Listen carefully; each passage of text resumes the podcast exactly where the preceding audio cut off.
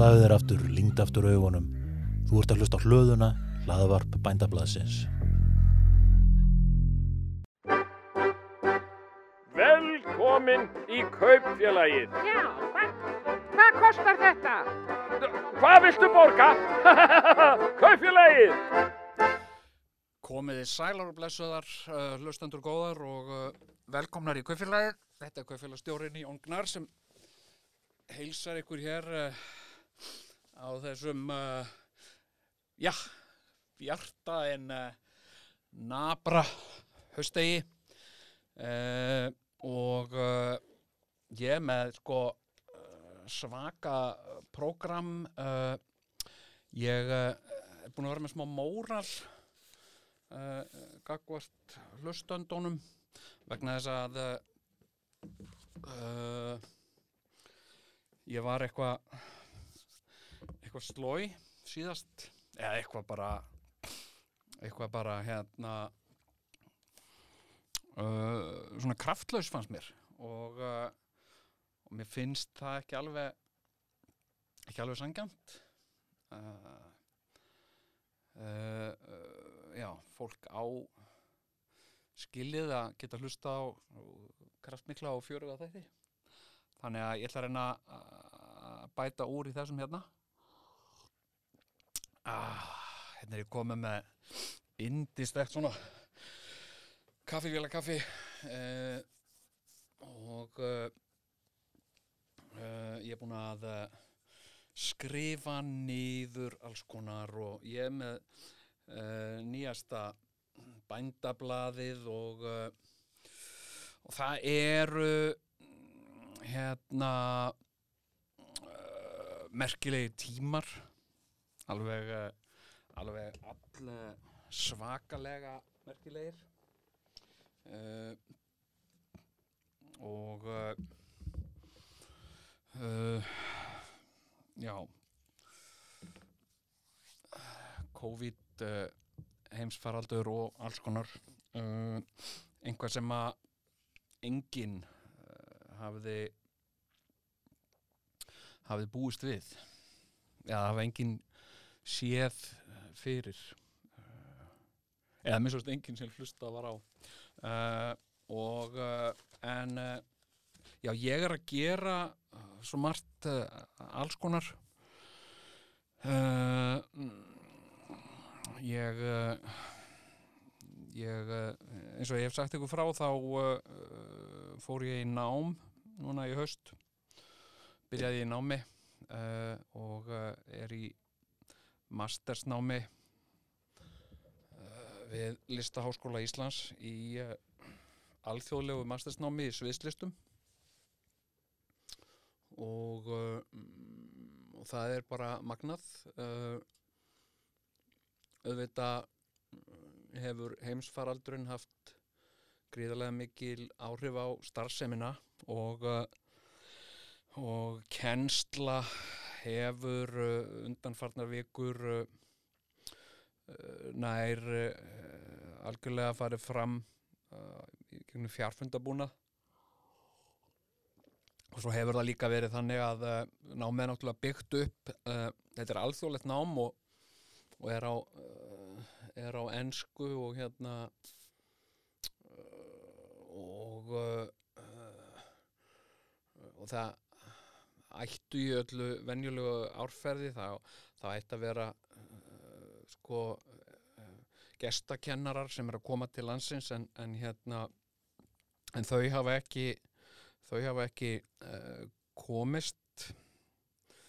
uh, í fæstum tilvökum hafa þau komist uh, þannig að uh,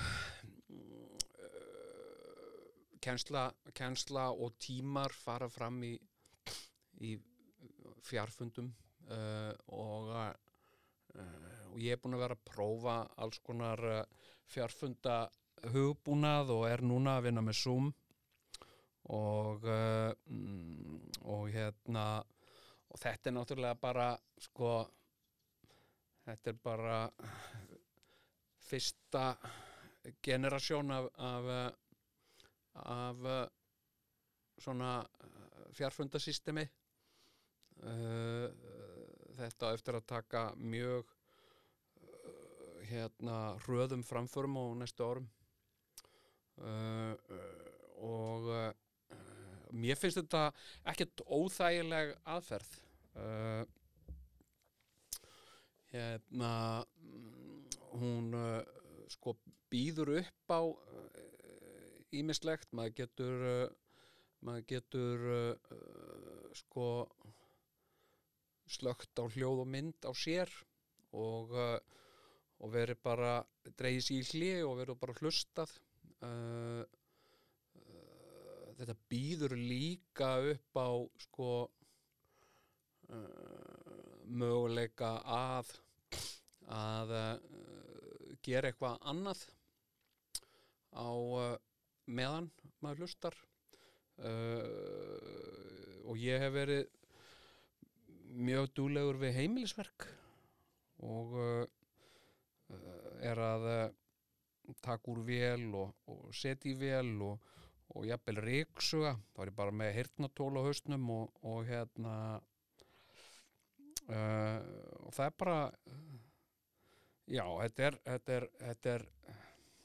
þetta er mjög efficient finnst mér. Og uh, svo er eitt sem að sem að ég var að átta mig á í dag varðandi, varðandi fjárfunda búnaðin eins og bara í mörgu námi sko uh, þá, þá, þá sko uh, þá er þessi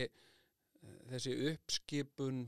svona þessi uh, messu uppskipun uh, á kennslustofu það er að segja það er einn aðstiprestur sem stendur fyrir framann altari viskunar sem er gerðan krítartabla uh, uh, og uh, og hérna og svo situr söfnuðurinn uh, og svona í, í á skólabekkjum eða í, á kirkjubekkjum og, og, og ég man svo eftir því frá minni skólagöngu að uh, horfa í nakkan á fólki. Ég hef alltaf horfandi, ég hef aldrei upplifað það nema í byðröðum uh, að vera einhvern veginn svona fastur í því að stara í nakkan á, uh, á næstu mannesku. Uh, en það, það upplifði ég í skóla og uh, eflaust margir sem að deila þessari upplifun með mér. En sú, í summinu það er enginn með nakkan á sér. Eða mjög fáir, það er undantekning að maður sér nakka uh, á sum uh, yfirleitt sér maður bara framann í fólk. Og uh, og síðan er annað með, með sko fjárfundi og fjárfundabúnað og myndavélar í, í tölvum að uh, það er alveg nöðsynlegt sko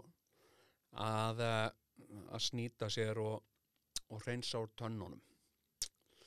áður en maður uh, sest við fjárfundabúnað uh, og það er mjög góður síður og eitt sem ég hef bara hef ég bara vanið mig á núna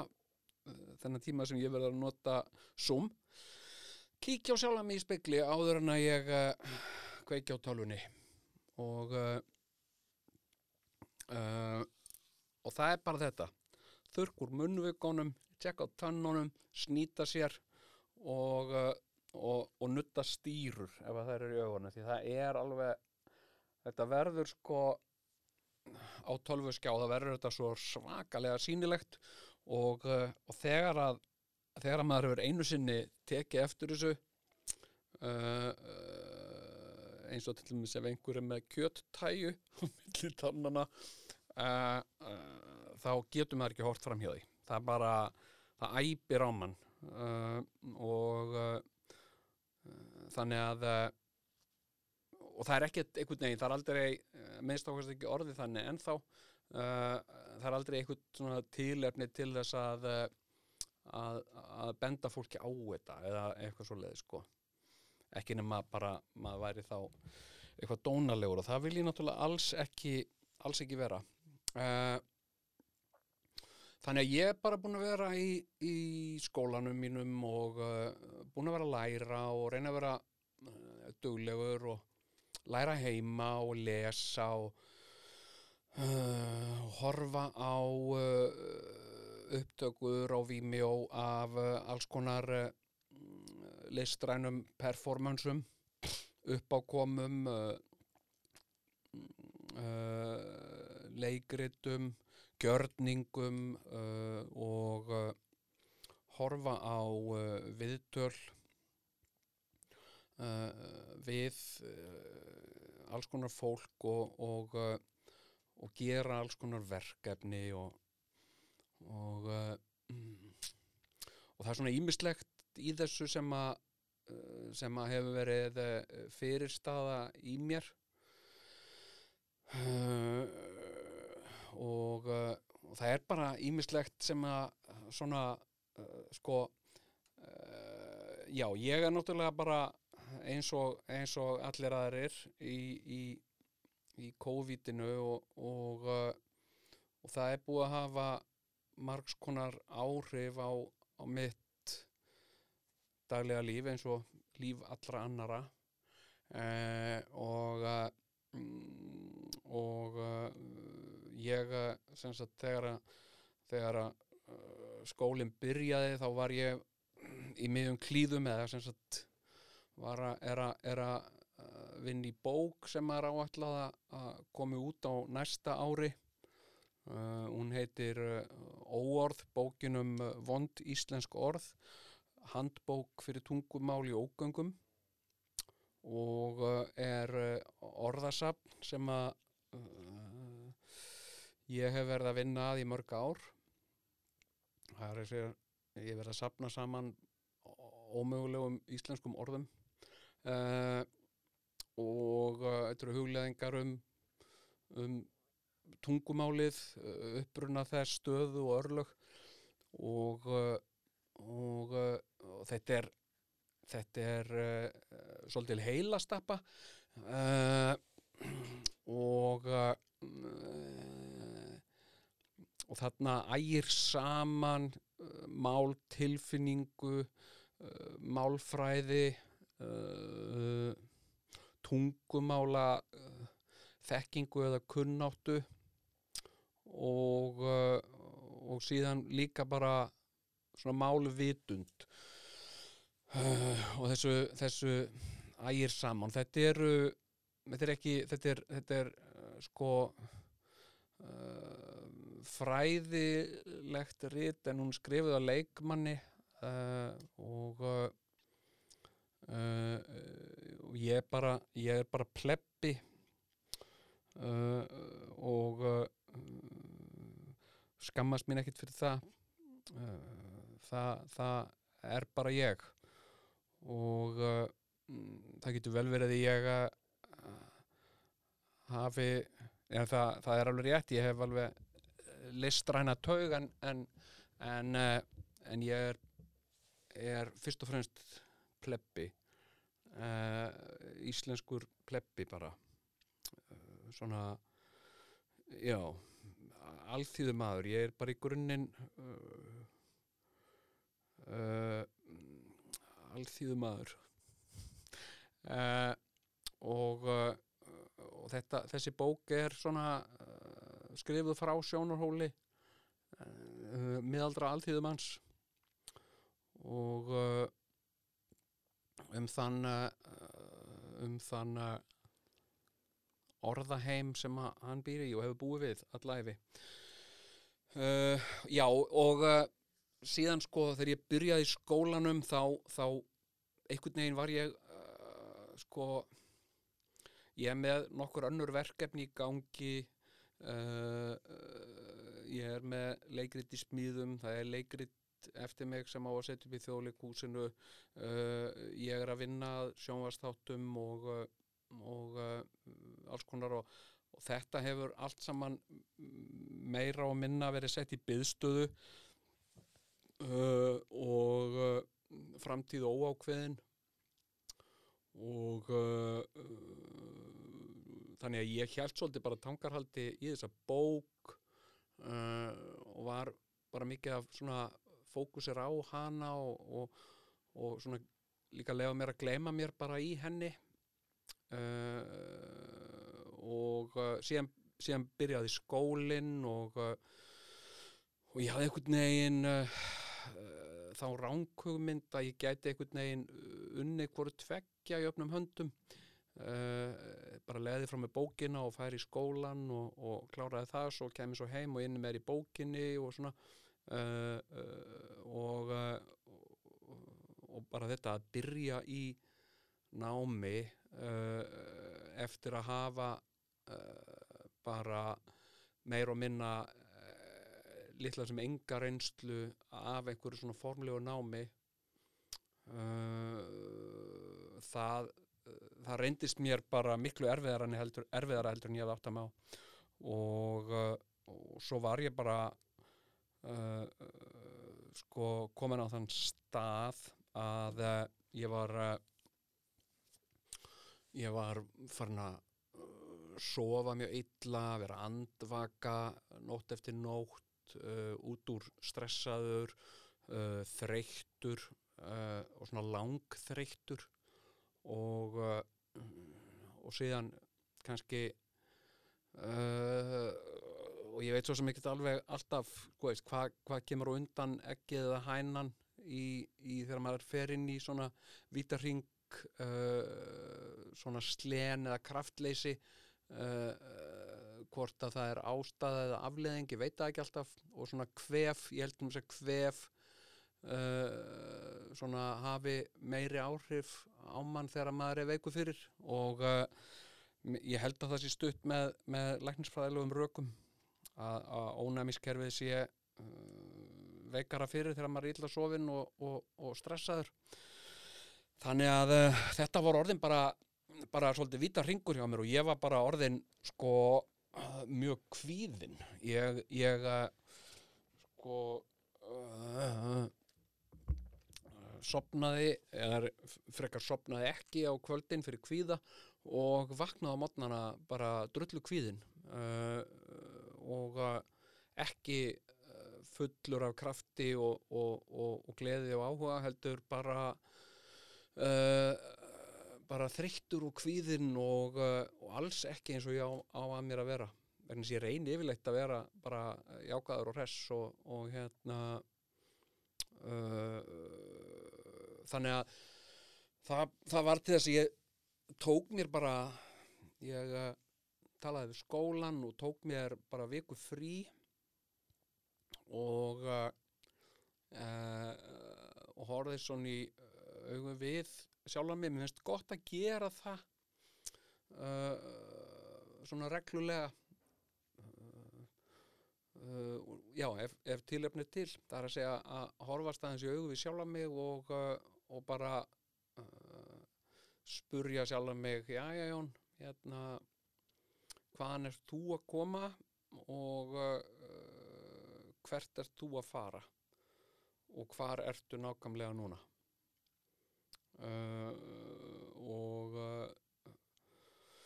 og mér finnst gott að uh, að láta svona hug, hugleðingar svona matla í, í í sálinni og huganum og bara öllu, öllum líkamannum og útfriminu og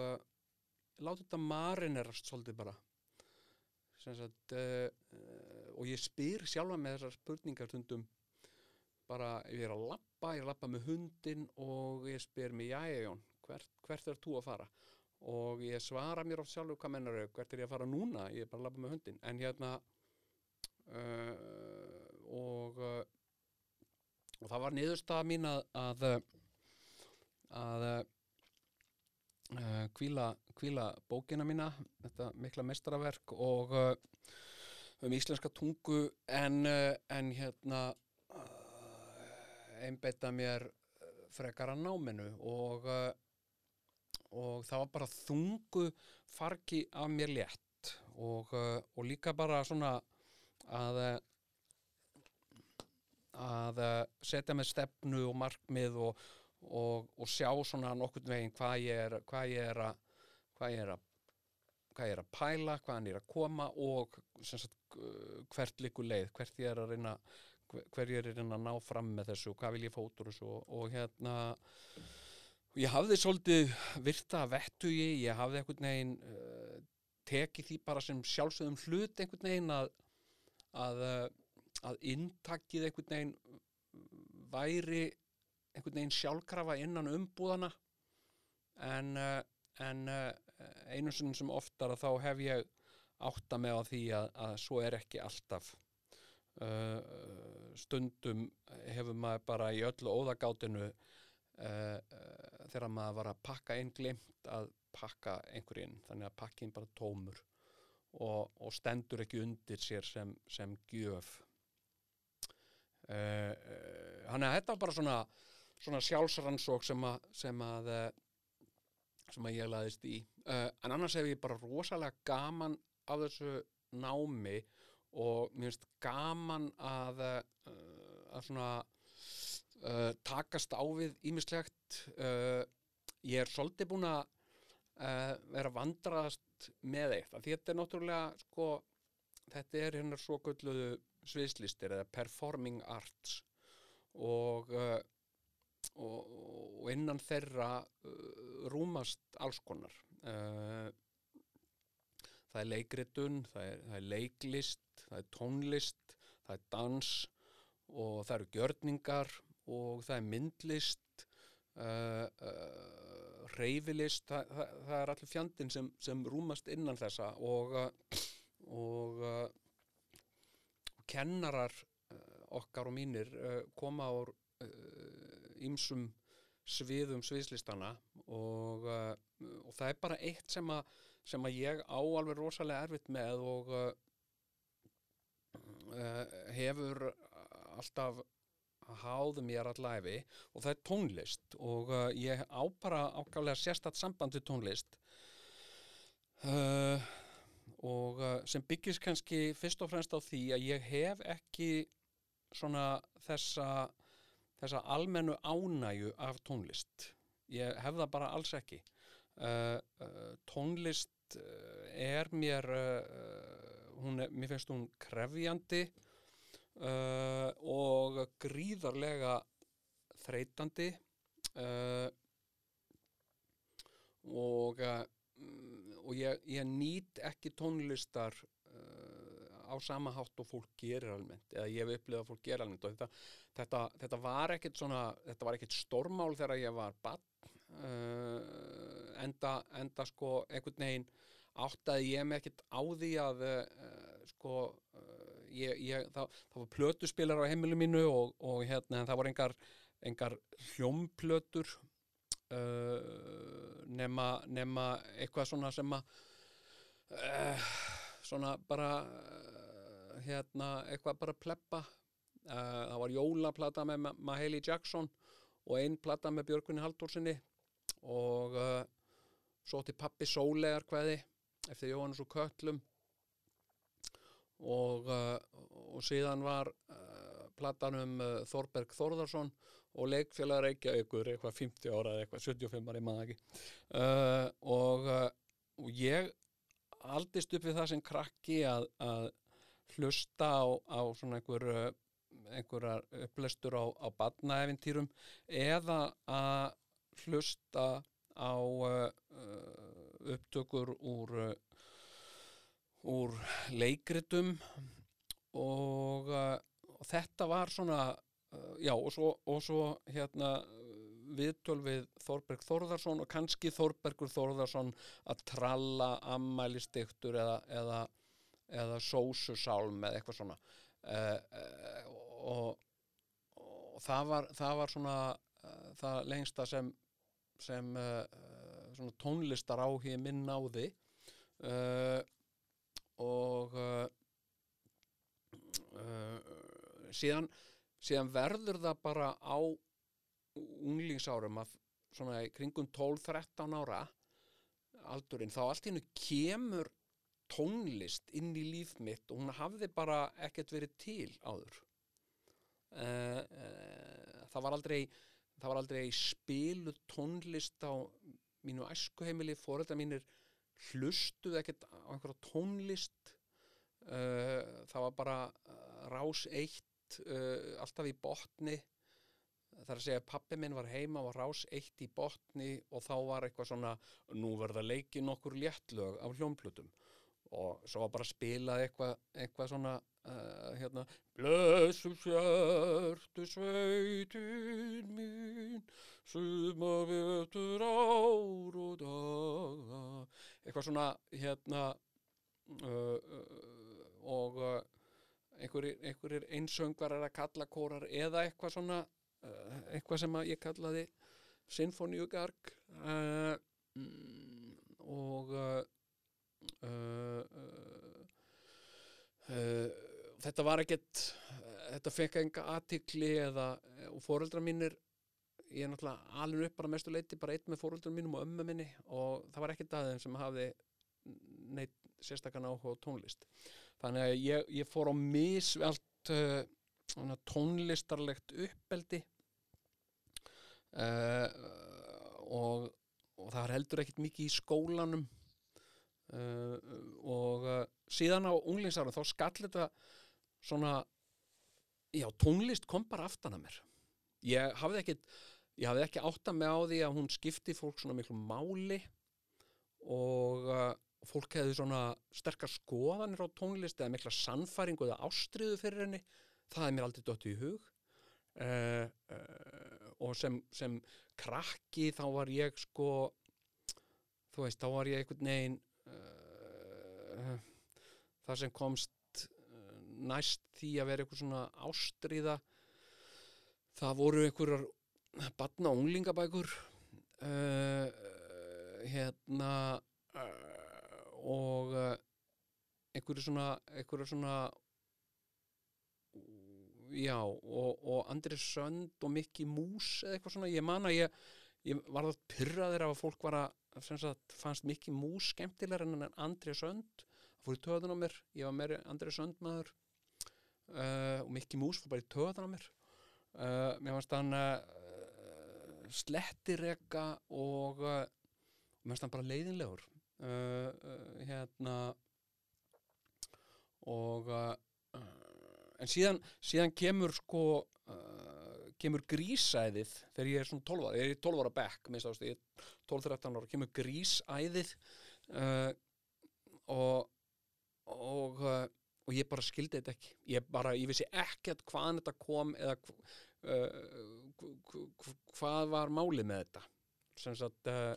uh, grísmyndin, fólk var að fara á hana sko, skólafélaga mínu voru að fara á myndina 10-20 sinnum sko, kunnöld lögin og svona og mér fannst þetta uh, mér fannst þetta uh, leiðinlega lög uh, mér, mér uh, fannst sko uh, mér fannst uh, tískan í þessari mynd algjörlega út úr korti. Ég, ég vissi ekkit, ég fattaði ekkit hvaðan þessi tíska var að koma því ég held að þetta væri bara löngu liðið. Uh, svona einhver, einhver briljantín og leðurjakkar og eitthvað svona. Og svo fannst mér þessi bóðsk svona bara uh, bóðskapurinn í þessari mynd uh, ég náði honum ekki. Ég, ég fannst þetta bara einhvern veginn sko,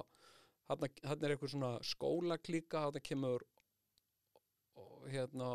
og, og Livia Newton-John uh, hérna hún kemur þarna ný stelpa í, í skólan og, og, og lendir eitthvað svona á, á kanti við, að verður fyrir aðkasti og svona því að, að, því að hún er uh, uh, bara of uh, góð stelpa og, uh, og hérna og er bara svona umhugsaðum að reyna að læra og, svona og hérna en uh, og það gengur allt frekar illa hjá henni þangað til hún ákveður að, að verða bara svona gella og, og bara lætur laga á sér hárið og, og losa sér við gleraugun og, og hérna þá verður líka allt gott. Og ég, ég, ég náði þess aldrei sko og náði þess ekki ennþá. Uh, hérna uh, ég hefði bara viljað sjá hana bara halda áfram sinni stefnu og uh, og hérna og vera bara trú sjálfur sér og, og, og svo var annað líka í þessu sem ég hafði heldur ekki tengt saman sko. Uh, það, var, það var tónlist og dans að, að fólk væri þetta var fyrsta bara dans og söngamyndin sem ég horfði á. Það er að segja að fólk er að tala saman og svo allt í hennu brestur það einhvern lag og fer síðan upp úr því að dansa og þetta bara, þetta bara stríti strax bara á bara unga aldri eh, gegn allir minni náttúru. Uh, og og ég vildi freka bara svona skilja hvað fólk var að segja uh, og ekki vera að flækja það með því að vera að syngja eða, eða dansa. Og síðan hef ég átt alveg gríðarlega bröðsótt samband við tónlist. Uh, og uh, ég er ekki á móti tónlist uh, uh, margt margir af mínum bestu vinum eru tónlistafólk og ég ber mjög mikla virðingu fyrir tónlist og, og fólki sem að býr til tónlist og, og hérna en ég, ég hef ekki smekk fyrir henni en ég er ekki á móti henni, ekki frekar en að ég er á móti íþrótum, ég hef heldur engan smekk fyrir íþrótum og get ekki fyrir mitt litla líf haft uh, gaman af því að horfa á eða fylgjast með íþróttum. Ekki nema börnin mín séu eitthvað að keppa þá hef ég getað gert það og þá hef ég haft áhuga á því að þetta eru börnin mín.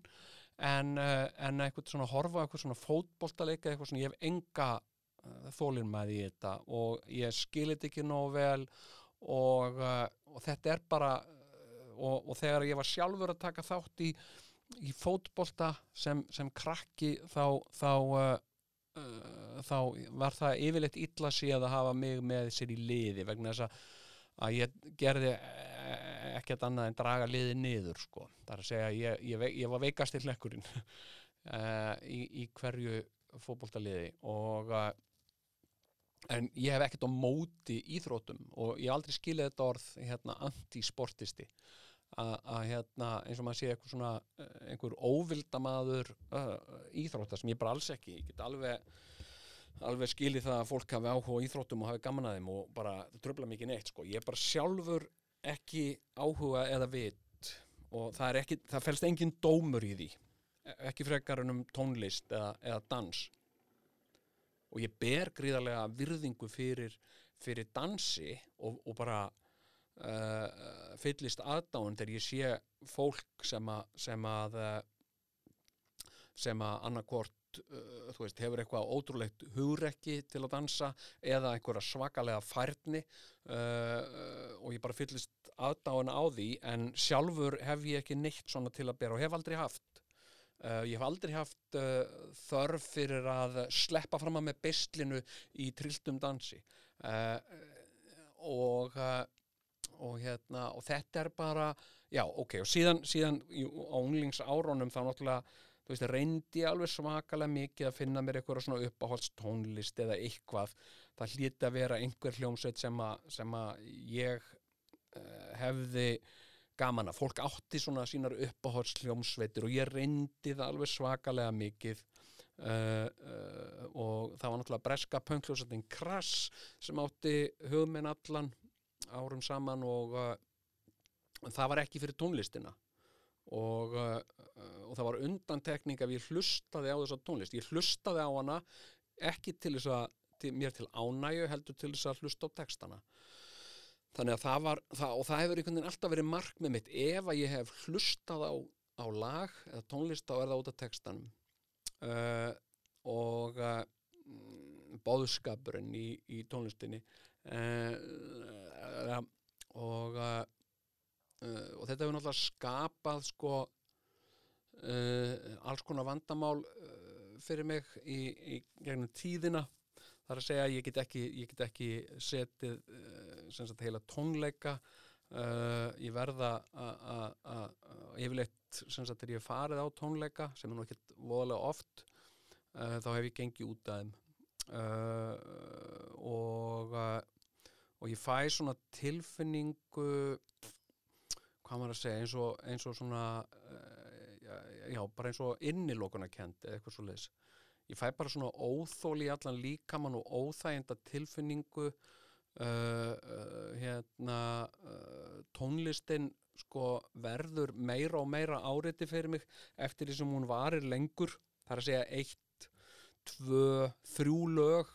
sleppur alveg og ég get alveg haldið feysi og bara, bara hérna uh, sko mm, að minnst að þóst hafa ánægju. Uh, en, uh, en hérna en eftir það verði ég að fara. Ég, ég bara get, eftir það bara magnast óþólið innra með mér og uh, og hérna uh, ég, ég hef gert endalausar tilraunir sérstaklega á árum að tilenga mér einhverja hljómsveitir uh, hlusta á þessa hljómsveitir að kaupa mér svona ból og, og, og, og vera svona þessi típa eða hinn típa. En uh, það hefur aldrei verið neitt raunverulegt á bakvið þetta. Uh, hérna þetta hefur verið meira bara uh, bara sko uh, svona einhver einhver, uh, einhver vonum um að, að þetta yrði einhvern veginn í lægi og ég geti verið bara eins og allir aðrir þú veist, sömur sömur hafa gaman af U2 uh, aðrir hafa gaman af Rolling Stones eða Beatlunum eða eitthvað svona allir einhvern veginn eiga sér svona og þetta hver eru upp á hljómsveitiðin og svona uh, og þá fannst mér líka upphefðið ég að segja bara krass sem var eitthvað sem enginn þekkti og enginn þekkir eða mjög fáir. Og hérna og, uh, og þetta hefur gert að verkum til dæmis og bara tónlisti er náttúrulega sko uh, sko svona hljóðheimurinn er orðin ansi mikið uppfylltur af tónlist. Það er valla sko farandi neitt að það sé ekki blastað tónlist alltaf í botn. Það er orðið þannig í öllum búðum uh, ef, ég, ef ég fer inn í einhverja búð uh, til þess að til þess að kaupa eitthvað, tala nú ekki um uh, fataveslanir uh, þá, þá er, er tónlistar í botni, yfirleitt. Uh, símsvarar eða sem sagt, ef maður ringir eitthvað hérna uh, þá, og þetta er það sem að hefur verið með hérna, erfiðast bara við að geta ekki valið. Hérna, hérna uh, sem sagt uh, þú ert númer 6 í rauðinni og svo klang, klang kemur eitthvað gítarglamur uh, og þetta hefur verið bara mín stærsta hindunum fyrir því að, að, að býða á línunni vegna þess að, að tónlistin er mér ofviða. Uh, og uh, og veitingastaðir uh, ég get ekki farið á ég hef, aldrei, ég hef bara ekki farið á, á bar í svona allir sé ekki 30 eitthvað ár síðan ég fór síðast á bar. Vegna þess að það er bara það er bara uh, minnst að skelvilegi staðir. Uh, ekki það að ég sé ekki til að setjast niður og spjalla við fólk en ég bara mega ekki þennan, þennan ærandi háaða eitthvað hefur þetta með heyrnina mín að gera ég uh, veit það, en ok. En sem sagt ég, ég hérna, og þetta var búið að vera mér þú veist, þetta er alveg sko í, í, í mínu hjónabandi sko uh, þá, þá hefur þetta svona smátt og smátt uh, komið í ljós og, og verið ljóst uh, minni ágættu konu að uh, að uh, hún hefur mjög gaman af tónlist uh, og henni verður ljóst að, að, að ég hef það ekki og þetta er heldur ekki uppgerð eða, eða, eða, eða tilgerð eða neitt sko. Þetta er bara einlaglega uh, eitthvað sem ég hef enga ánægju af eða mjög litla, ég ætla ekki að segja ég hef ekki enga ánægju af tónlist. Það væri uh, kannski heldur djúft í árin að tekið en, uh, en hún er mjög lítil og hún er mjög takmörguð uh, mm, og uh, og hérna og ég bara liði fyrir þetta allavega, við förum ekki á þess að við förum eitthvað, erum eitthvað að ferðast í útlöndum og, og ákvaðum að fara eitthvað og fá okkur, fara út að borða og hún sér svona staði sem henni líst vel á og er að bjóða upp á mat sem henni langar í og, og kíkjum þangað inn og ef það er ærandi tónlist, eða mjög hávær tónlistar og ekki borð í auksín þar sem að er, er uh, hljóðlátara þá veit hún alveg að því er ekkert að fara með inn. Uh, og, uh, og þá bara förum og hún segja nei, þetta er of, mikið tónlist hérna og svona. Uh, og uh, en þetta hefur oft verið mér kvíðvanlegt, sérstaklega þegar ég er með öðru fólki og, uh, og þá að vera eitthvað svona hópefli eða, eða þú veist, við ætlum öll að gera eitthvað saman og, og það er svo oft tengt tónlist. Hérna og ég fæ bara kvíða sagt, ég, ég, ég sko stífn allur upp og verð vandraðlegur uh, hérna uh, ég hef verið til dæmis á uppákomum þar sem að hefur ekki verið auglýst tónlistaratriði en svo á það að koma skemmtilega og óvart. Að það er einmitt hljómsveit sem allar að spila fyrir okkur og þetta verður alveg, þetta verður opbóðslega óþægilegt og ég dett alveg úr stuði og stipn allur upp og, og, uh, og verð bara óþægilegur og ég ræði ekkert við það. Uh, og það, ég á búin að kvíða mikið fyrir þessi skólanum að, uh, að það yrði svona eitthvað eitthvað svona uh, dans og söngva eitthvað og, uh, og hérna og uh, síðan bara fyrir algjör á tilviljun þá rakst ég á grein að því að það er svona það er svona nörd í mér og, og, og, og ég fylgist með uh, svona nörda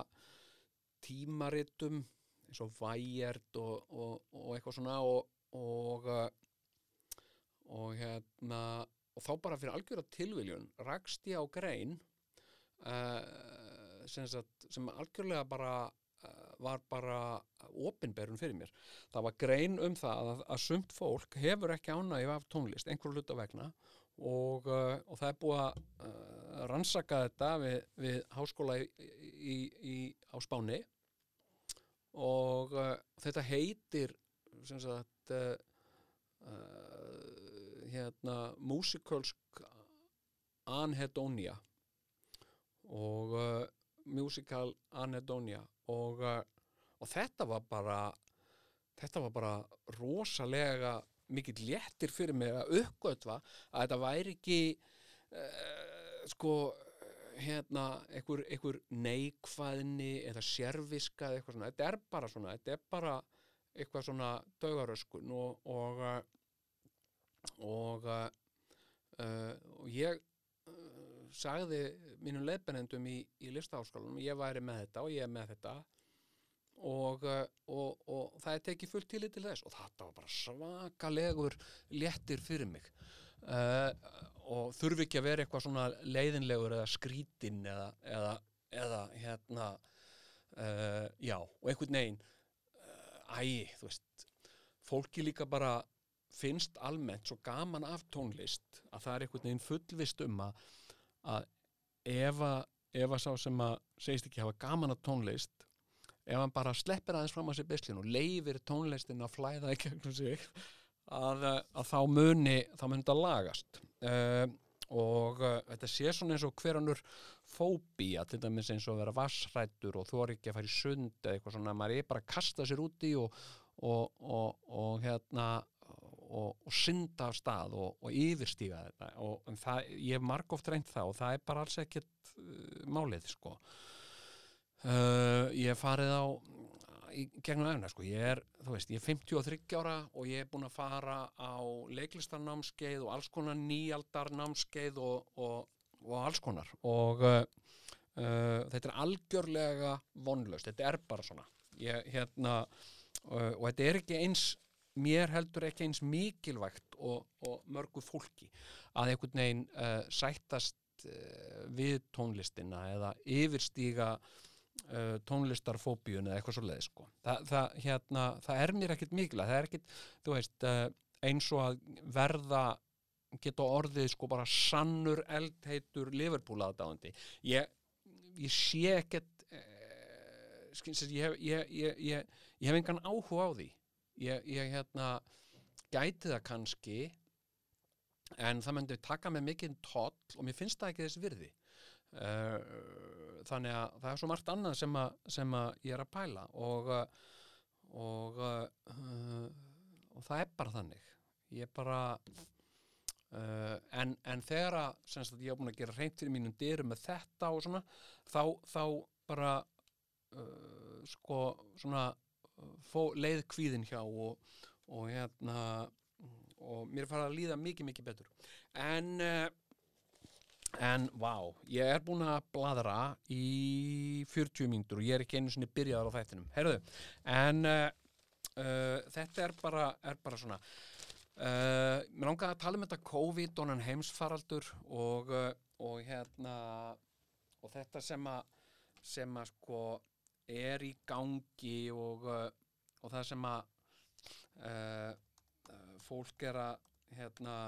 að segja og svona uh, ég uh, sko mm, ég hérna þú veist, það, það eru eru uh,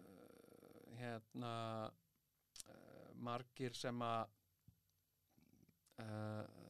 sem hafa svona sterkar, sterkar skoðanir á þessu og, uh, og eru að uh, er að segja eitthvað uh, um hérna um aðgerði stjórnvalda og, og eitthvað svona. Uh, og bara ótrúlegasta fólk sem, a, sem er að lýsa bara yfir algjöru frati uh, uh, hérna á sko heilbriðisiðvöld og stjórnvöld í landinu vegna þess að, að, það fær ekki að hafa einhverja bari eða líkamsætta stöðvar og opnar og eitthvað svona. Uh, og uh, og hérna uh, og það er verið að gaggrína sagt aðgerðirnar uh, og það er alveg það er alveg hérna uh, það er alveg virðingavert uh, og það má alveg gaggrína og, og hérna og draga í efa eitthvað sem nöðsynlegt og svona. Uh, en samt þarf maður að hafa uh, einhverja eitthvað lámars tröst og virðingu uh, fyrir fólki sem að sem að getur actually sagt hver sé munurinn á bakteri og vírus. Hérna þegar maður veit það ekki sjálfur og og uh, og svona treysta, treysta uh, vísinda fólki og, og, og læknum uh, og ég sé líka og þetta eru bara ömurlegar aðgerðir uh, og þetta er ömurlegt ástand og uh, uh, og til dæmis bara eins og uh, eins og eins og fleiri þá, þá, þá er mjög mikið af, af minni vinnu sem hefur bara horfið og uh, og uh, og hérna og maður er einhvern veginn bara uh, já maður er bara svona á krossgötum með ímislegt uh, og og svona uh, hv- hvaða stefnu á, á maður að taka til framtíðar Hva, hvað er hérna hvernig, hvernig viljum við horfa á þetta og, og ég sé líka bara mikið af fólki sem er að gaggrina aðgerði eins og hefur bara komið fram einhver svona undirskriftasöfnun og, og eitthvað svona. Það eru komin víða út í heimi uh, sem sagt mótmæli gegn uh, aðgerðum uh, til að takmarka útbreiðslu uh, smita. Og og hérna uh, en, en mér finnst flestir sem eru að mótmæla þessu annarkvort uh, sko bara veit ekki neitt um þetta. Uh, og geta sagt og ég hef oft spurt sjálf að því þegar ég sé fólk vera sagt gaggrýna uh, hvað er verið að gera til að hefta útbreiðslu og hvort það sé nöðsynlegt að vera hefta útbreiðslu og eitthvað svona og, og segja eitthvað hluti eins og hjarð ónæmi og eitthvað svona. Uh, og ég hef oft velti fyrir mér sagt gæti þetta fólk útskýrt uh, munin á, á, á, á vírus og bakteríu? Uh, uh, og, uh, og síðan er mikið svona af, af gaggrinnisröddum sem koma úr uh, fólki í viðskiptalífinu það er að segja fólk sem er viðskiptafræði menta, hagfræði menta eða lögfræðingar og uh, sem hafa bent á að, að þetta, s- já, bara vera að segja að þetta bara sé alls ekki nóg gott og þetta ætti alls ekki að gera þetta svona og hins eginn svona. Og mér finnst það, allt í lægi en sko uh, ég sjálfur uh, mundi uh, frekar hlusta í þessu samhengi hlusta á, á, á vísindafólk og lækna heldur en lögfræðinga. Ég hérna uh, minnstakosti enn sem komið er uh,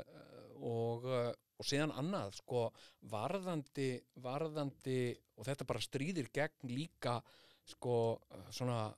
öllu, öllu mínu eðli uh, og hugmyndum einhvern veginn um um uh, lífið að einhvern veginn láta lögregluna láta pólitíð segja mér einhvern veginn hvernig ég gera hlutin og hvernig ég haga mér og taka einhverju svona uh, uh, jákvæðum ábendingum frá pólitínu uh, hérna uh, og þá er ég náttúrulega uh, meina sagt uh, hlut lögreglunar í þessum aðgerum og svona þetta bara, ég á bara, ég átt bara mjög erfitt með þetta. Af því ég er bara rebel og, uh, og ég e, e, vil ekki ég vil ekki alveg sagt vera að taka einhverju svona jákvæðu vingi frá, frá löggunni um það hvernig ég er að haga mínu uh, lífi og, og eða bara sem minnst sko. Uh, hérna og hef reynd að haga lífi mínu þannig að, að löggan þurfi ekkit sagt hafa henni afskipti af því. Uh, og uh, vegna þess að já uh, og sko og einhvern veginn að svona hlýða einhverjum svona fyrirmælum eins og, eins og þetta með þessar grímur þegar þetta byrjaði þetta grímutal við hefum öll að vera með grímu og, og hérna uh, og, og svo er þetta líka það er líka sem að, að því ég er búin að lesa ég settist bara niður hérna, og líka bara því að þetta COVID er búið að, að, vera að trubla mig mjög mikið. Uh, og í þessari fríviku minni þá settist þið niður, ég held að það bara verið í heilan dag sem ég satt og ég las bara greinar á, á svona, svona virtum uh, vísindatímaritum eins og eins og uh, New Scientist og, og bara science.com og eitthvað svona. Uh, uh, þar sem að ég bara uh, las mér aðeins til um þetta og hver er staðan og hverjar eru framtíðarhorfur og eru þetta sagt, eru þessar aðgerir sem verður að grípa til við um heim, eru þær nöðsynlegar eða eru þær panik eða veist, hvað er þetta? Að því ég, ég sjálfur ég gæti ekki með góðu móti útskýrt munin á vírus og bakteríu. Ég bara uh, hérna, ég er að vísu uh, háskólanemi uh, og, og og tel mig þokkalega meðalgrendan kall ég gæti ekki með góðu móti, ég gæti kannski stauta með einhvern veginn fram úr því en, en ekki með góðu móti. Og ég skil ekki alveg uh, munin á vírus og bakteríu. Uh, en ég veit að penicillin uh, dugar ekkert á vírusa. Og, og og það hérna sagt hef ég beint frá læknum vegna þess í gegnum tíðina þegar ég hef orðið lasin á haustin og farið til læknis og, og, og, og læknirinn uh, segir við mig að, að þetta sé nú bara flensa og uh, uh, ég þurfa að taka þér rólega þá hef ég oft spurt en get ég ekki fengið bara pensilín og, og bara náðið súrnir eitthvað svona og, uh, og þá hafa læknir sem sagt nei þetta er, þetta er bara flensa, þetta er bara vírus sko. og uh, uh, þú getur fengið svona steraspray, nefspray uh, en, en hérna en við gefum ekki pensilín við þessu og en oft sér fólk pensilín sem, sem svona allserjar heilsubót uh, sem læknar öll megin og, uh, og vill bara fá pensilín og, og hérna uh, uh, og, og þannig hefur líka orðið til bara ákveðin svona ofnótkun á pensilíni en niðurstaða mín eftir að vera búin að uh, svona uh, skoða þetta og, og lesa og horfa á viðtöl uh, við, uh, við fólk sem er mentað í þessu og hefur raunverulegt vita á þessu þá, þá hef ég komist að eftirfarandi. Við vitum sko eitthvað um um koronavírusin, COVID-19 við vitum eitthvað um það en alls ekki nægilega mikið. Uh, við vitum það eru rosalega margt í þessu samhengi sem við vitum ekki sem að, sem að vísindafólk bara veit ekki. Það getur haft einhverja kenningar um það eða, eða haldið eitthvað en það veit það ekki með fullvísu ekki með vísindalegri fullvísu uh, hvernig hlutinni séu. Uh, og uh, og til dæmis uh, við erum á, á, á miklum stöndum á miklum óvissu tímum núna og ég bara lesi viðtöl við bara virta sérfræðinga um nákvæmlega þetta að uh, núna er hinn árlegi influensu faraldur að fara af stað. Og uh, það veit í rauninni engin uh, uh, hvernig sagt hver verja, hverjar verða afleðingarnar af henni árlegru influensu og COVID-19 saman? Í, í, uh, í hérna hvað gerist þegar þessir tveir óvættir sem eru hvorutvekja vírusar uh, hvað gerist þegar þessir tveir vírusar hittast? Það veit það engin með algjöri vissu uh, hvort að sko, en við vitum það að mjög líklega uh, munu þeir sameinast gegn okkur. Uh, og og hérna að vera með sagt, vera með flensu, vera með influensu og með COVID er bara svolítið eins og að vera með uh, ígerð í tonni og með ígerð í putanum hérna hérna og uh, og eins og við sjáum núna, nú er að koma fram fréttir um sko fólk sem, a, sem að var búið að fá þetta uh, held að það væri komið með ónæmi en fekk síðan uh, fekk þetta síðan aftur. Uh, þetta hefur svolítið komið aftana að, að, að sérfræðingum og það er bara svona alls konar með, með þennan vírus sem við bara vitum ekkert. Og þess vegna er bara fylsta ástæða til þess að fara öllu með gát. Og uh, og hérna, og ég vil bara segja það ég vil bara segja það, sko. Ég, mér finnst uh, mér finnst uh, uh, bara, sko yfirvöld hins okkur yfirvöld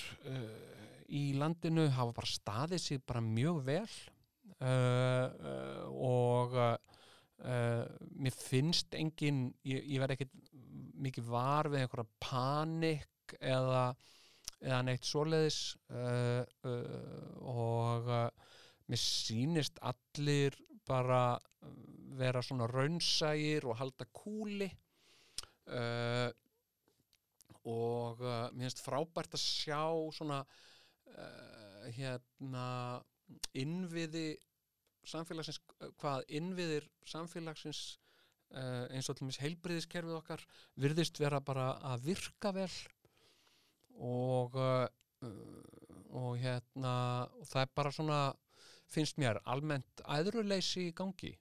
Uh, og fyrir þá sem að ekki vita þá er æðruleysi það er það er sem sagt það er hugar ástand án ótta vegna þess að að það er mjög, og það er mjög mikilvægt uh, sem sagt í öllum háska sem, sem manneskjan lendir í þá er mjög mikilvægt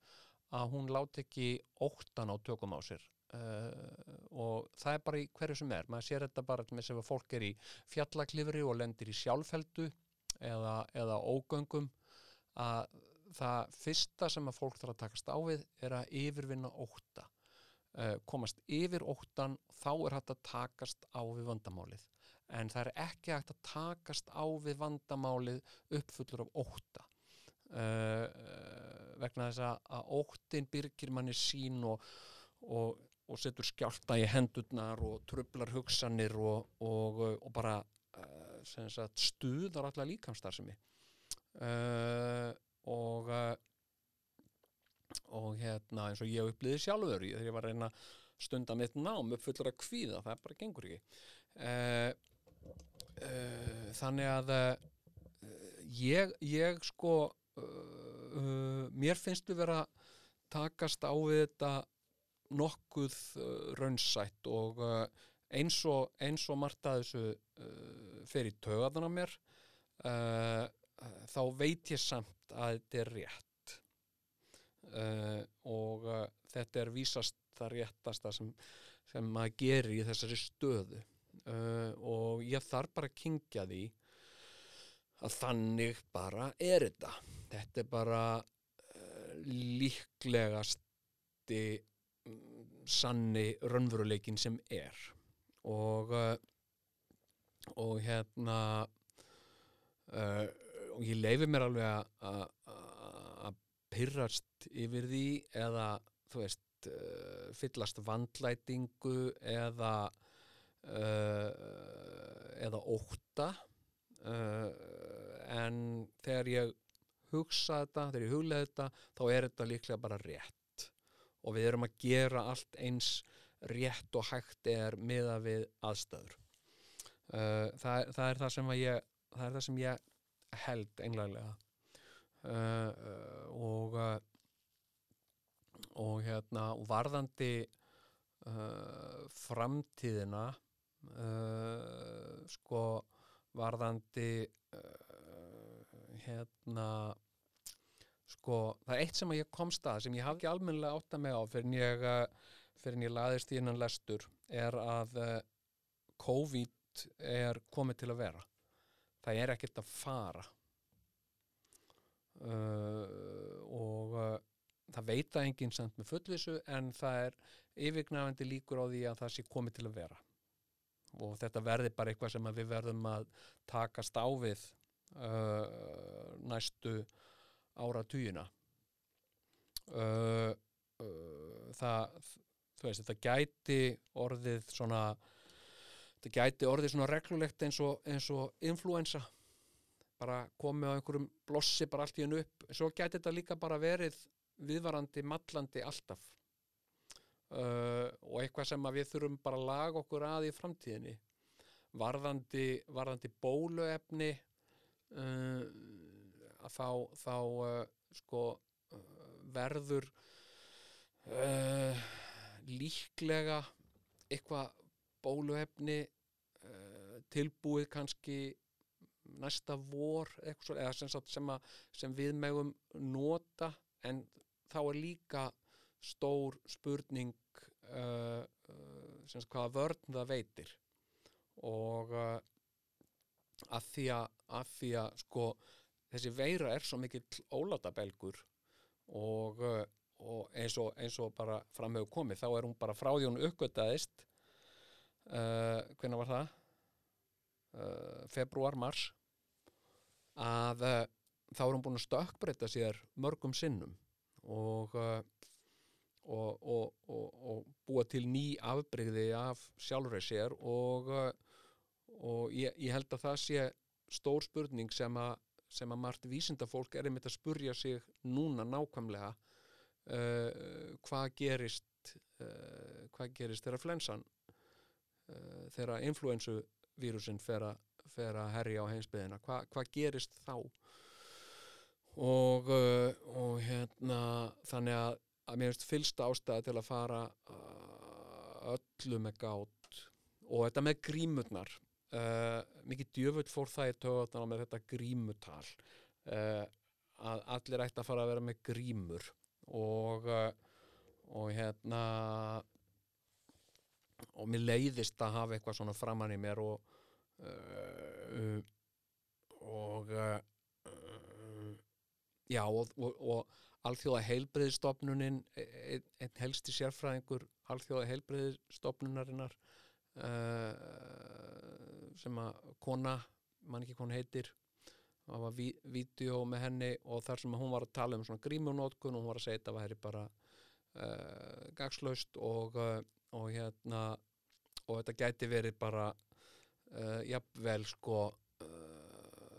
verra en ekkert vegna þess að, að þetta gerði það að verkum að fólk væri alltaf með hendurnar framan í sér, alltaf upp í andlitinu og það sem við ættum að gera var að reyna að venja okkur af því að að vera með hendurnar framan í okkur. Ef við værum einhvern svona kæk að vera einhvern veginn að strúka okkur í framan eða neglutnar eða eitthvað svo þá ættum við að venja okkur af því uh, miklu frekar heldur en að vera með, með grímu. Uh, og uh, síðan hefur þetta allt saman breyst og, uh, og nú er grímunótkun uh, orði og ég ég svona ég pyrraði mig á þessu að, að, að, að löggan ætlaði að fara að skipta sér af því hvort að ég væri með grímu eða ekki. Og og hérna uh, en síðan hef ég bara komist að því að með, með grímunótkuna það er sagt að, að það sé grímur séu mikilvægastar uh, í því tilliti þegar að fólk er eitthvað lasið að það hlífi öðrum við sínum lasleika. Og uh, og hérna fólk eigi bara sína persónlega ábyrð og uh, vera með grímu þannig að það smiti gera Jæja, en svo bara er bara sumt fólk fávitar það er bara þannig. Og uh, ef það á að vega og meta sjálft uh, sem sagt uh, tillit sér til annars fólks þá velur það mjög gjarnan bara tillitsleysi nema því sé fyrirskipað að sína tillit. Og, uh, og hérna og ég var, ég fór í sko í ríkið eða vimbúðina eða hvað sem þetta heitir. Og uh, uh, og það var tveggja metra regla, það var svona gul strik í gólfinu og uh, það var maður sagt fyrir fram á mig sem stóð alveg upp í hnakkanum á manninum fyrir framann og og hérna og ég hugsaði já allir afgröstu fólki segi ekki eitthvað við hann eða eitthvað. Hann er ekki á gulri línum. Ég veist það getur vera mitt uh, hlutverka einhvern veginn að pikka í hann og segja heyrðu, hérna uh, gul lína. Því að ég var í rauninni, ég var fyrir aftan hann í rauninni ég var að horfa í hnakkan á honum og, og ég passaði mig bara á því að þú veist halda, halda minni fjarlæð maðurinn stóð alveg upp í hnakkanum á manninum fyrir framannan og svo hóstaði hann á hann.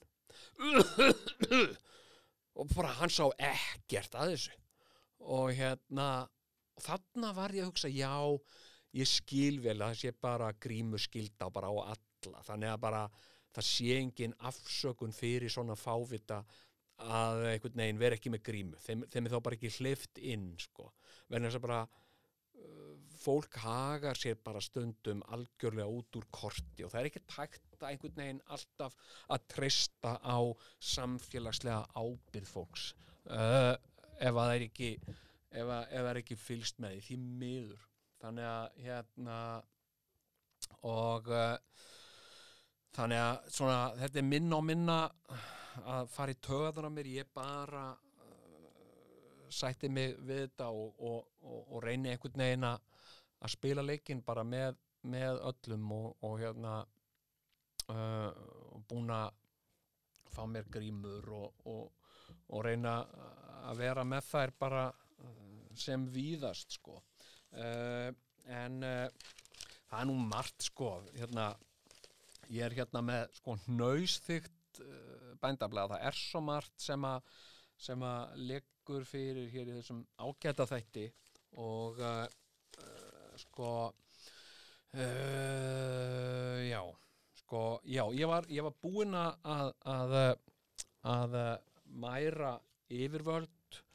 uh, ríkistjórnin okkar mér finnst þau öll bara standa sér bara frábælega ég hérna get ekki uh, hallað orði á, á, á neitt á þeim bæ. Mér finnst þau bara öll uh, bara standa sig bara alveg ágætlega. Og uh, og hérna og mér finnst uh, pólitíkusarnir okkar hafa bara komið ágætlega út úr þessum bladamannafundum og, og hérna og bara uh, sko uh, og, og, og, mér finnst alveg sko eins og bara uh, hann Þórólfur læknir, ég meina uh, hann, hann er spurður mjög ágengra spurninga og, og, og tekur gaggrinni frá öðrum læknum og vísindafólki og og hérna uh, og mér finnst það allt bara frekar heilbrygt sko. Uh, og uh, og hérna og þetta bara hefur sínt mér svolítið sko svolítið svart á hvítu hvað við eigum í grunninn heilbreykt samfélag uh, við Íslendingar sem þjóð uh, og uh, auðvitað eru alls konar alls konar gallar á því og það er engin fullkomin og svona en, uh, en svona í heldina liti og miðað við uh, þá, þá, þá eigum við bara ágætt samfélag hérna sem að hefur eitthvað svona innviði sem er ekki bara eitthvað eitthva píp. Þú veist, þetta er eitthvað sem að virkar í alvörunni uh, og uh, og hérna og mér er oft fundist það sko með með alls konar íslensta þegar til kastana kemur þá virkar það. Uh, og og er ekki svona er ekki eitthvað bara humbúk eins og ég veit til dæmis sko hérna sko eins og mér spyrja öðrlöndum eins og, eins og í bandaríkjónum uh, uh, sko bandaríkin er ekkert með uh, það sem að neitt sambærilegt heilbriðiskerfi uh, uh, eða, eða sko uh, eða félagsmála kerfi eins og, eins og við þekkjum frá Evrópu og eins og við erum með hér. Það er ekkit sambærilegt þar er meiri áhersla lögð á sagt uh, ábyrð einstaklinga uh, og, uh, og minna, minni áhersla lögð á einhverjum svona samfélagslega ábyrð og það er bara, það er bara bandaríkin eru bara líka svona ákveðin ákveðin tilraun í, í hérna til að skoða einhver, einhver önnur kerfi heldur en, heldur en við erum með. Og en sko þetta, þetta heilbriðiskerfi þeirra það er náttúrulega bara þannig að það virkar uh, fyrir suma og frekar fáa uh, útvalda. Uh, en, en hérna en ekki sagt, það, þetta er ekki svona kerfi eins, og, eins og við þekkjum uh, þar sem að, þar sem að sem sagt er einhver svona tröst viðbræðskerfi sem bregst við uh, þegar á reynir. Uh, það bara er það ekki. Uh, uh, eina uh, Amerikanar eru með uh, mjög svona virt kerfi og það er herin. Bandariska hernaðamaskínan, það er kerfi sem virkar og en, en heilbriðskerfið uh, virkar ekki sko. Og, uh, og hérna uh, sko þegar ég bjóð í bandarækjum ég var ekki með, með sko sjúkratryggingu uh, í, í, í bandaríkjunum og og hérna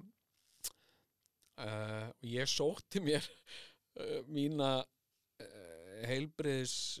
þjónustu, þá, þá heilbriðis þjónustu sem, sem að ég sótti sem var allir með uh, uh, bólusetning. Og, uh,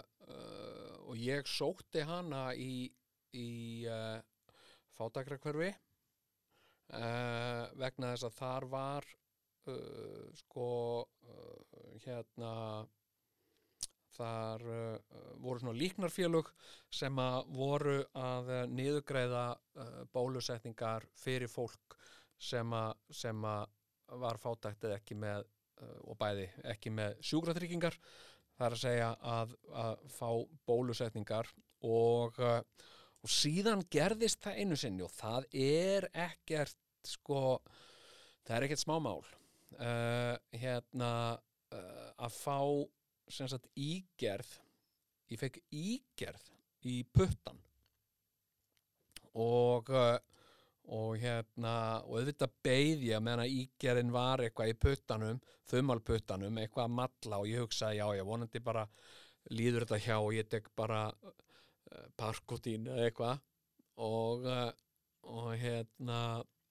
en það gerði það ekki neitt og ég fann bara að þessi ígerð hún var svolítið svona uh, hún, hún ætlaði bara að vera komin til að vera sko.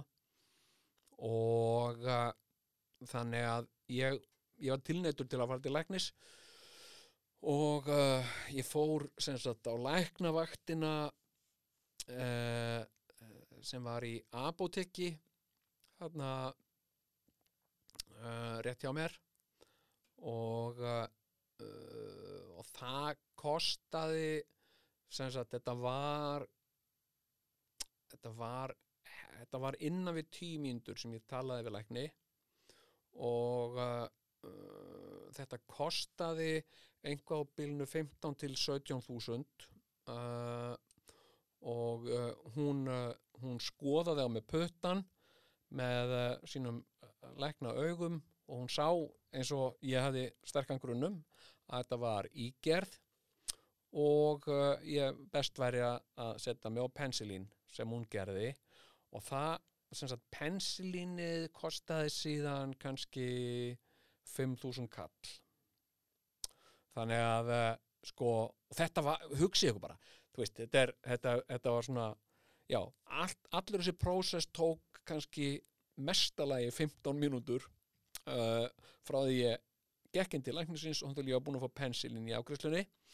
uh, og þetta kostaði 20 skall. Þannig að maður getur ímynda sér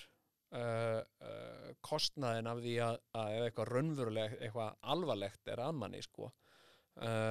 Fljóta fljóta sapnast saman með þar en,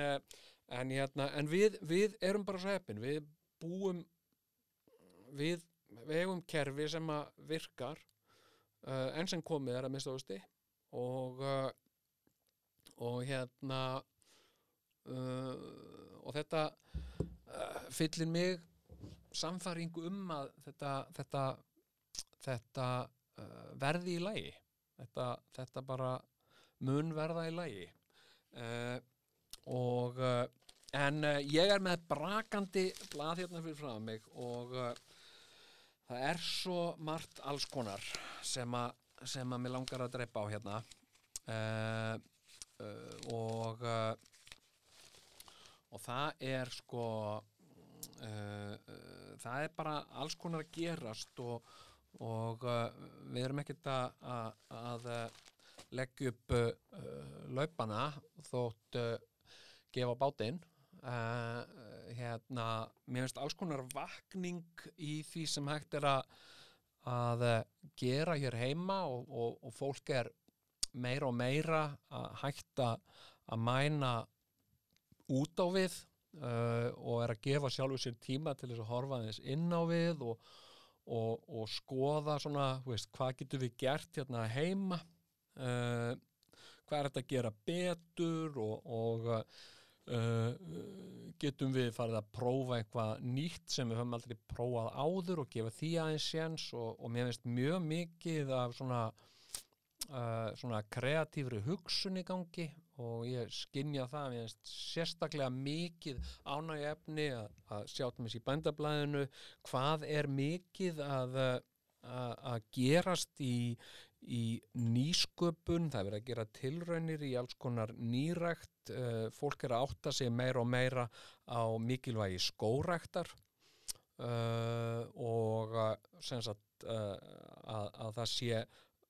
raunhæft að byrja hér að vinna því að, að vera með nýtjaskóa og, uh, og svo má bara rækta alls konar. Uh, og, og, og, og svona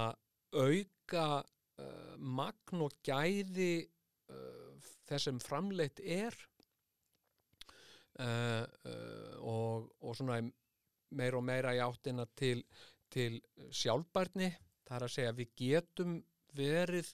sjálfum okkur nóg að mjög miklu leiti uh, og uh, og hérna mm, séð okkur fyrir uh, mat og nösinum og, og hérna já búið okkur til kjött og grænmeti og, og síðan í framtíðinni jafnvel sem sagt saga niður ykkur trí og gert stóla á borð úr því sko. Bara, uh, bara IKEA stæl þannig að, mér finnst mikil svona meðvutund í gangi og auðvitað erum við að fara núna í gegnum uh, svona svona kreppu tíma uh, þetta er þetta er, er niðursveifla og frávik frá því sem normalt er. En í því eru líka alls konar tækifæri til þess að gera alls konar og uh, og, uh, og þetta land uh, ber bara alls konar. Það er að gera allan fjandan hérna þó að það hafi ekki verið gert áður og uh, og oft eina sem við þurfum að yfirstíga í því er bara einhver uh, einhver svona ótti og mér finnst bara ágæti stæmi sko, hérna, það sem ég upplifði sko, sem, sem, sem unglingur að alast upp í landi sem, sem að sko, uh, hérna uh, bjór var bannaður og, uh, og einhverjir uh, pólitíkusar uh, og ég vil Íslendingar voru að stæra sig af því eins og þetta væri einhver upphefð eins og við værum eitthvað merkilegur en annað fólk að því við bönnuðum bjór og, og, og, Íslendingar uh, einhverju pólitíkus ég man eftir þessu hvað mér fannst þetta fannst þetta kjánalegt einhver pólitíkus uh, hérna gapandi eitthvað í útlöndum að hérna uh, sko uh, eitthvað stæra sig af því að, við Íslendingar sagt uh, höfum bannað bjór og það var einhver svona eitthvað merkilegt, einhver upphefð í því og uh, sem það er ekki, þetta er bara kjána, kjánaskapur eins og, eins og oft er með svona bóð og bönn. Jæja, og uh, síðan fara að tala um það að aflétta þessu bjórbanni og þetta væri bara hallaristlegt og þjónaði einhver tilgangi og svona. Uh, og, uh, og þá greipum sér við að mikil skelving að það mundi allt gjörsamlega sigla, þjóðarskútan mundi bara sigla í strand og sökva ef að bjórir þið lefður og, og ég man eftir fólki bæði sem að maður sá af alþingi og líka bara eitthvað fólk á götun og svona sem var gráti nær af skelvingu yfir því að að leifa hérna bjór. Og, uh, og síðan var það gert og, og það fylgdi því engin stór skelving uh, uh, og uh, ef eitthvað er að þá hefur það verið okkur til framdráttar og, og hérna svo verið aðeins slakað á þessum, þessum ströngu reglum um þetta og nú er, nú er mega uh, fleiri sagt, aðilar framleiða bjór heldur en bara ölgerðin Egil Skallagrímsson. Uh, uh, og það var sprottuð upp svona bjórgerðir út um allt land sem, a, sem er að framleiða bjóra sem eru á heimsmæli hverða og sem eru bara sem eru bara hérna svona merkilegir sem, sem bjórtegundir og, og Akkur var þetta ekki gert bara löngu fyrr? Vegna þess að fólk var uppfullt af uh, skelfingu og ótta. Uh, og, uh, og, og, hérna, og oft er kannski þarf eitthvað svona til, einhver svona utanakomandi bara ógn sem að, stuðar fólk í gang að bara yfirstíga sinn heimóttalega ótta uh, og, og hérna fara að gera eitthvað og, og hérna og mér finnst svo orka mjög mikið uh, komin í gang og mér finnst það sérstaklega áberandi innan sko uh, innan hérna uh, svona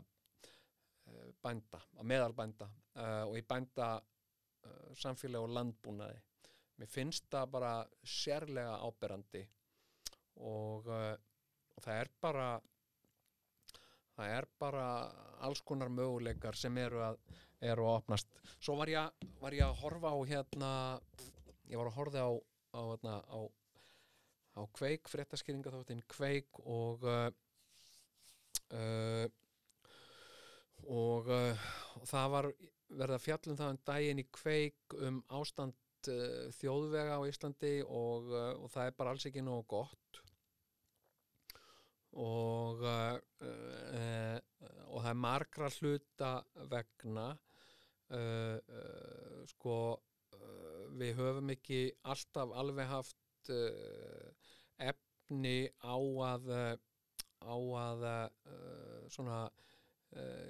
gera malbygg eða gera vegina uh, nógu vel úr garði gerða. Uh,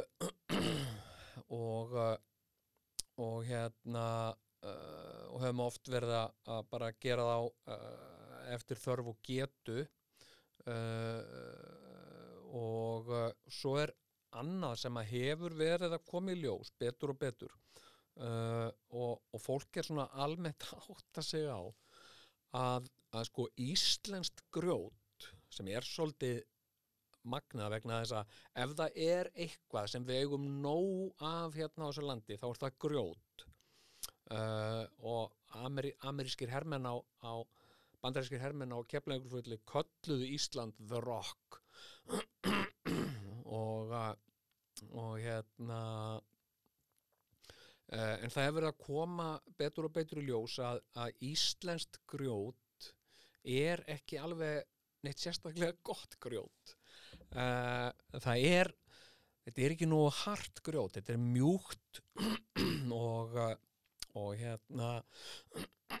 og ég veit það til dæmis að þegar að þegar að búsáhaldabildingin var og fólk var að fleia einhverjum óþvera í alþingishúsið okkar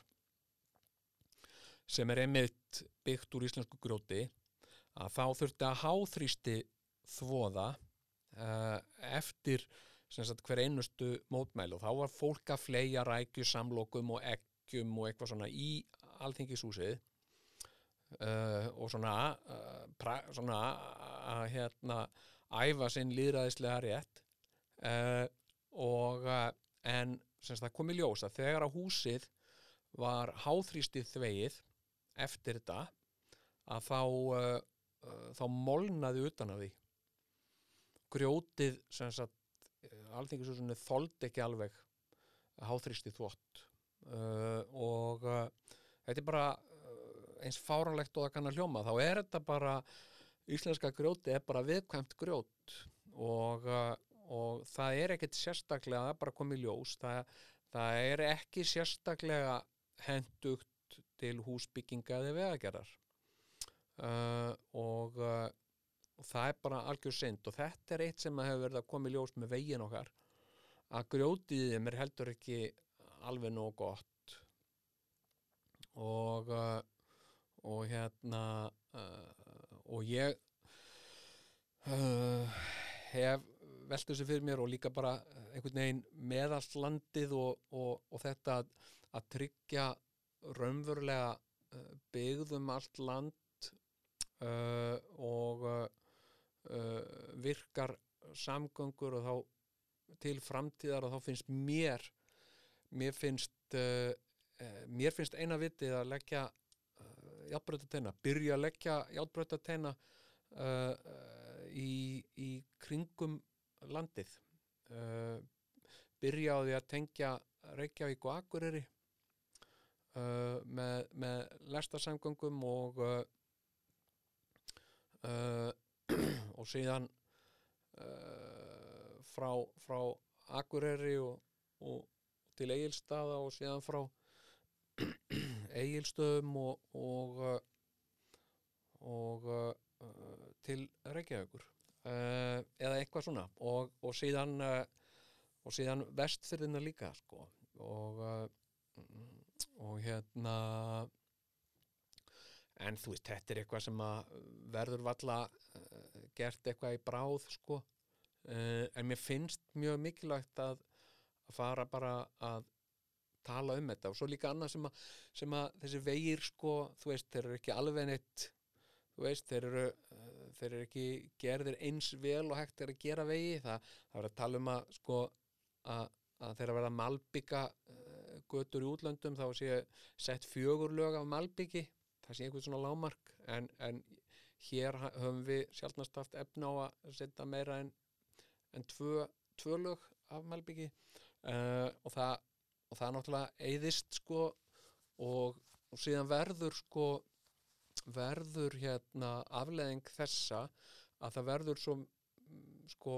rosalega hár viðhaldskostnaður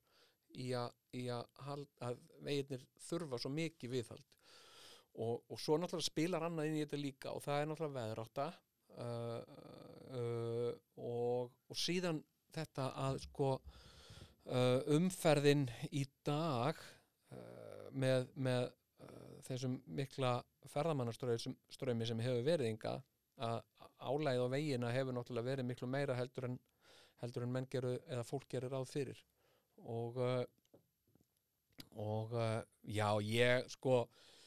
ég segi bara hérna játbörda lestir sko og uh, uh, og það er þetta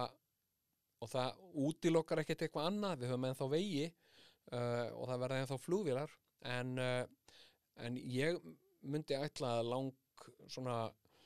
besti kosturinn fyrir sko vöruflutninga á landinu til framtíðar væri með, með játbrautum og uh, þurfi ekki einu svona að vera uh, til fólksflutninga. Þó getur fólk kannski keift sér ferð með lestónum eða vill sko, en það er náttúrulega fljótlega að fljúa uh, en, en hérna en vöruflutningar sko uh, verða aldrei eða seint með flugi. Uh, það er engar uh, stórar flugvélar að fara að fljúa hér með, með, með gáma uh, hérna í innlandsflugi uh, uh, vörulflutninga verða ekki á sjó. Það er, það er búið að skoða það og það er búið að loka þeim uh, þeim möguleika vegna þess að, að, að það er bara borgar sér ekki, það er allt og dýrt og, og, og það er líka uh, of hægvirt. Uh, þannig að allir vöruflutningar á Íslandi hafa síðustu 20 ár uh, að minnstakosti farið fram með á þjóðvegunum. Uh, á kvöldin og á nóttunni að þá er hefur landi verið þakið uh, flutningabílum sem þeysa með vörur á milli landsluta og ég, ég, held, ég, ég sé ekkit annað í þeirri stöðu en játbreytalistir uh, og bara minnstafasti byrja að, að tala um þetta og svona ræða þetta. Mér finnst það bara, ég, ég skil ekki af hverju er ekki verið að, að, að tala um þetta. Og, uh, og hérna uh, sko, og þetta verður aldrei semst ekkert að þessar hagkvæmt. Það verður að tala um já, en þú veist, hvert er hagkvæmi? Hérna, vörulflutninga með lestum eitthvað svona. Þú veist, við erum með innanlandsflug sem að hefur aldrei staðið undir sér það hefur verið niðugreitt og, og, og bara rekið með gríðarlega miklum halla uh, og uh, þetta mun aldrei þetta mun aldrei einhvern veginn eða seint einhvern veginn standa undir sér en, uh, en, en maður verður að hugsa líka bara svona heildstætt. Fyrir allt landið og við viljum bara tryggja byggðum allt allt uh, landið að þá, þá þurfum við uh, uh, játbröðalestir en uh, uh, já uh, það er bara komið að leiðalokum hjá mér í dag. Uh, ég er búin að tala frá mér allt vitt og, um, og eins og alltaf veist, ég er með alveg fullt af, af hérna fullt af alls konar punktum og, og, og eitthvað sem ég ætlaði að tala um og, hérna uh, ég ætlaði að tala um uh, áhrifavalda og fyrirmyndir og og uh, náttúrugripasafnið og alls konar en það verð það bara nei, ég ætla að tala um áhrifavalda. Ég hérna aðeins, ég hérna þá verkefni sem ég var látið gera í skólanum uh, sem sagt ég átt að skrifa niður uh, sem sagt hverjir væru mínir áhrifavaldar uh, stefnur uh, artistar uh, hérna, sem hefði átt áhrif á, á mig sem, sem sko sem kunstner uh, uh, og uh, í minni, minni listsköpun. Og og ég hef ég, mér hefur ekkit geðjast sérstaklega því að vera að horfa svona í baksinni speil og, og, og hérna mér er frekar að mér hafi verið í nöp við það. Uh, hérna uh, auglýsingadeildir sjónvarstöða þetta sem að ég hef verið að verið að uh, vinna fyrir og gera sjónvarstætti hafa gert hann brúða á það ráð að kynna þættina mína uh, sem sko, þætti í anda eitthvað, eitthvað annað, þetta er eitthvað svona lenska í sjónvarskinningum þættir í anda sternifrein hérna, og uh, sem að ég hef ekki alltaf uh, verið sammála hafi verið áhrifavaldar og, og hérna uh, og uh,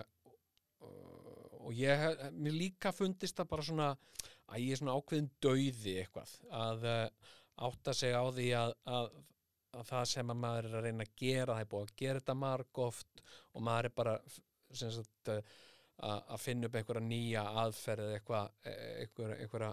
einhverja nýja mynd af einhverju sem er svo sem alveg búið að vera til. En, en hérna og og ég fór svona sem sagt að fara í gegnum maður ge gerir þetta svona eftir ákveðnu kerfi þar að segja hverjir eru áhrifavaldar þínir uh, sem sagt í æsku og þeir eru unglingur og, og, og síðan á fullorins árum og svo framvegis og svo framvegis. Og uh, og hérna uh, og ég bara heiðarlega fór að hugsa tilbaka og bara hver, þegar ég er í batnæsku sem sagt uh, er eitthvað svona manneska sem hafði eitthvað svona afgerandi áhrif á mig. Uh, fyrir utan, þú veist, mömmu og pappa eða, eitthvað svona. Og ég get náttúrulega sagt sko já, týnt til eitthvað nöfn og eitthvað svona. Og, og sumt er náttúrulega þú veist, fýtna en annað. Þú veist, það, það er, það er það er svolítið flott að segja sko að Halldór Lagsnes í minn áhrifavaldur, eitthvað svona. Uh, en það er bara ekki satt. Og uh, eins og ég saði hérna upp á, ég ætla nú bara að ljúka þessu svipaðum minútum hérna, uh, ég er, er plebbi. Og mér finnst gaman að bílum og mér finnst gaman að fara í, í Costco og kaupa hlut og bland. Eða og, uh, og bara aðarsmerki allra góður að pleppa eru bílar og góð kaup og vond kaffi. Uh, besta kaffi sem ég fæ er flugvélakaffi vegna þess að það er eitthvað útlænst við það þó að sé bara neskaffi sko. Uh, en mér finnst ég vera svona komin halva leið til útlanda þegar ég fæ flugvélakaffi meira sé í innlandsflugi uh, og, og hérna og ég er bara ég er bara svona já, ég er bara svo mikill uh, mikill pleppi og uh, og hérna uh, sem krakki þá las ég mikið af bókum og, og, og hef lesið marga bækur um æfina en mín ástriða hefur alla mína æfi verið sjónvarp. Ég hef bara elskað sjónvarpið og af sjónvarpinu hef ég uh, lært uh, sko, lærði ég mest áður en að interneti kom. Það var af sjónvarpinu. Uh, ég lærði landafræði, náttúrufræði uh, í gegnum heimildathætti uh, í sjónvarpinu. Gjarnan frá Breska ríkisjónvarpinu BBC svona vandaða heimildathætti um alls konar. Uh, hérna uh, aðra kúltúra en á Íslandi uh, lífið út um út um út í heimi og og alls konar dýra, dýrategundir. Og og þaðan gegnum sjómvarpið kom gríniðin í líf mitt. Þar uppgöttaði ég grín sem að mér fannst bara vera eitthvað dásamlegasta sem hafði verið nokkur manni hafði dottið í hug að búa til grín. Uh, uh, og mér þyrsti í það en það var, það, var, var lítið frambóð af því og mér þyrsti í það og ég drakk í mig allt grín. Allt sem gerði lífið aðeins skemmtilegra heldur en bara já, gerði, gerði hverstæðin skemmtilegri uh, og eitthvað til að rifja upp og eitthvað til að brosa og hlæjað. Uh, og uh, og hérna og ég bara uh, sko var alæta á sjónvarp nema, nema fréttir og og og svona einhverja einhverja pólitíkusa sem voru alltaf einhverjir einhverjir kallar sem sátu í einhverjum leðursófum og, og voru svona að kalla groppast hver framann í annan. Hörðu, hörðu, hvað er það svona, æ, og þetta bara þetta, eh, ég hef aldrei haft smekk fyrir þessu íslenska kallagroppi uh, vegna þess að mér finnst það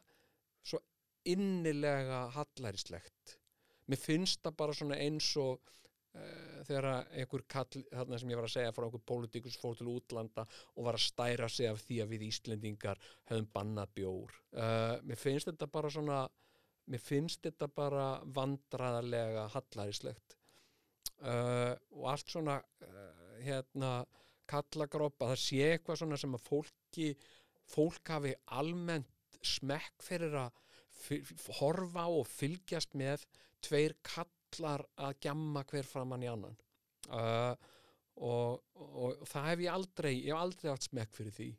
Uh, ég hef svona bara leitt það hjá mér. Uh, en, en leikið sjónvarsefni uh, og bara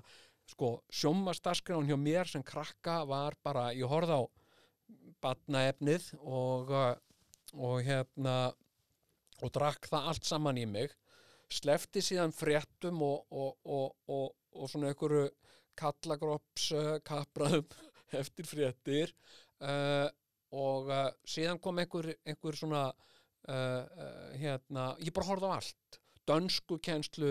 þætti, einhverja danska þætti um dönsku kenslu uh, og síðan heimildamynd um japanskar blómaskreitingar og uh, og uh, uh, hérna einhverja, einhvern fornminja uppgröft í Egiptalandi ég bara horfði á þetta allt saman, ég bara drakk þetta í mig. Svo horfði ég á einhverja hérna, einhverja þýska sjómarpsmynd uh, derrek eða eitthvað. Og, uh, og síðan horfði ég á á, á föstudags og lögadagskvöldum horfði ég á allar bíómyndir sem síndar voru og þær hétu allar maðkar í missunni eða kallar í krapinu þannig að, að, sko í kvöld síni ríkisjónvarpið stormyndina Karlar í krapinu og, einhver svona, og maður vissi oft ekkert. Ég, ég get ekki sagt veist, já, býtu, hvaða mynd var það þarna, ég tver á toppnum eða, eða Karlar í krapinu nei, það var maðkar í missunni eða læknir í vanda eða hétt allar eitthvað svona. Og uh, ég bara drakk þetta allt í mig. Hvort sem þetta var uh, talið fullorðins eða batna eða eitthvað þá var þetta bara allt saman. Ég bara, ég bara ég, ég, ég var sólgin í þetta allt saman. Ég horfði á þetta allt saman. Og, uh, og rich men, poor men og rætur uh, ég horfði á rætur uh, roots uh, vegna þess að það var í sjónvarpinu og það var framhalds og það var nákvæmlega sama ástæðan fyrir því ég horfði á Dallas. Uh, þetta var eitthvað að gerast eitthvað smá tilbreyting og, uh, og eitthvað svona eitthvað tækifæri þess að sleppa aðeins uh, út úr þessum þessum hérna þessum grámiklulega sovjetíska